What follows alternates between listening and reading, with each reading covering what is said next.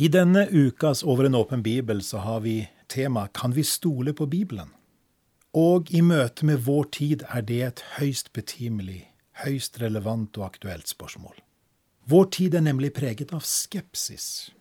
Nå er skepsis slik at det å være skeptisk kan være en god ting. Det å ikke godta enhver påstand, ikke ta enhver påstand for god fisk, som vi sier, men å være kritisk på en god og positiv måte. Vi kan kalle det en åpen skepsis.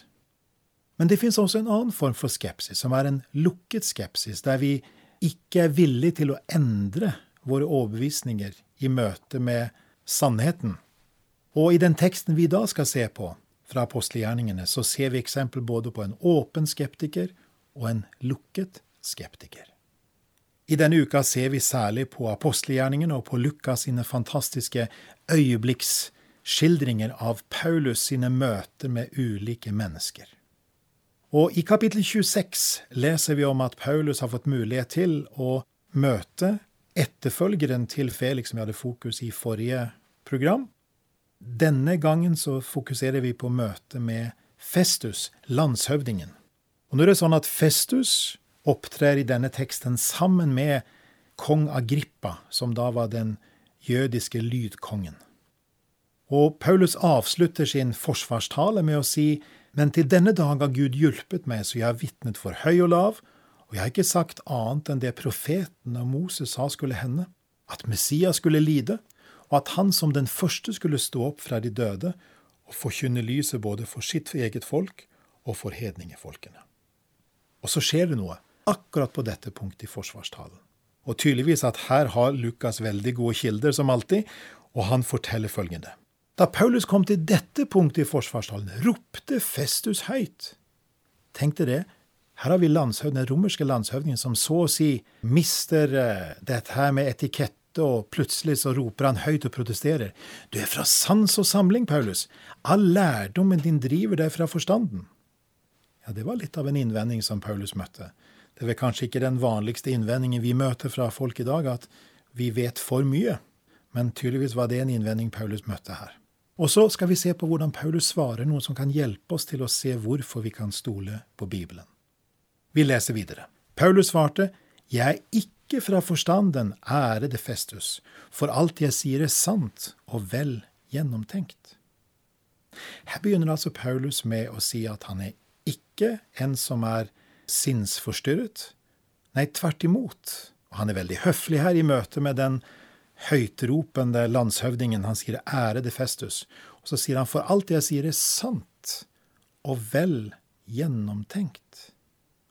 Han er altså overbevist om at det er sant, og han har brukt tid på, den gode apostelen, på å tenke igjennom hvorfor det er sant.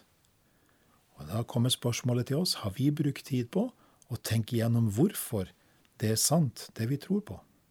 Og Paulus fortsetter. Kongen, altså Agrippa, kjenner til alt dette, og til ham taler jeg rett ut. Jeg er overbevist om at ikke noe av dette er gått ham forbi, det er jo ikke skjedd i en avkrok. Dette syns jeg er fascinerende.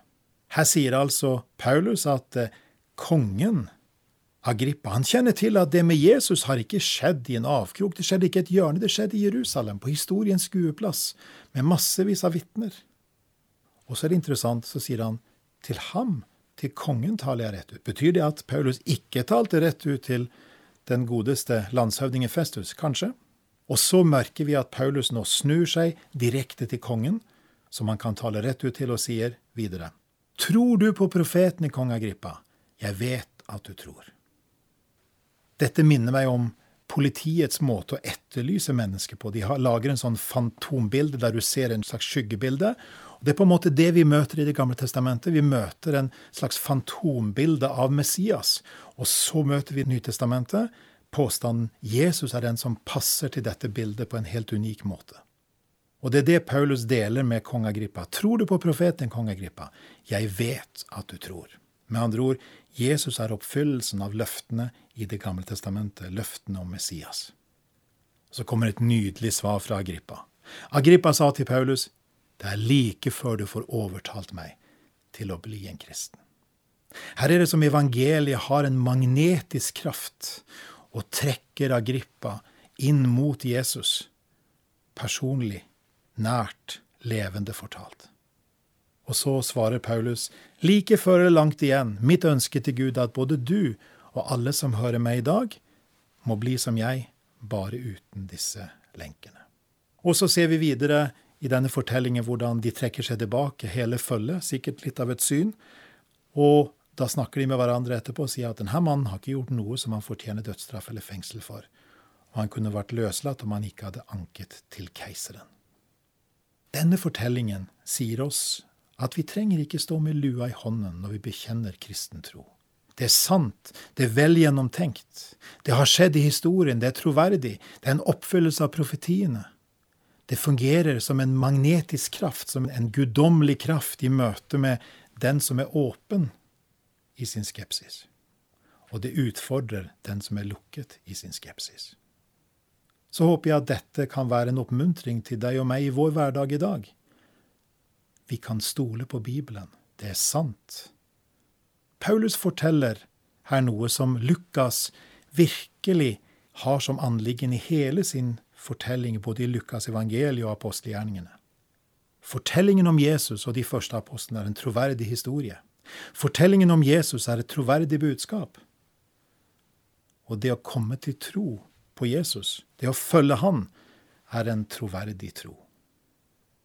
Vi har i denne Over en åpen bibelserien sett på spørsmålet kan vi stole på Bibelen. Det er ikke sånn at det alltid finnes lette svar og enkle løsninger, men det finnes alltid en mulighet til å finne ut mer.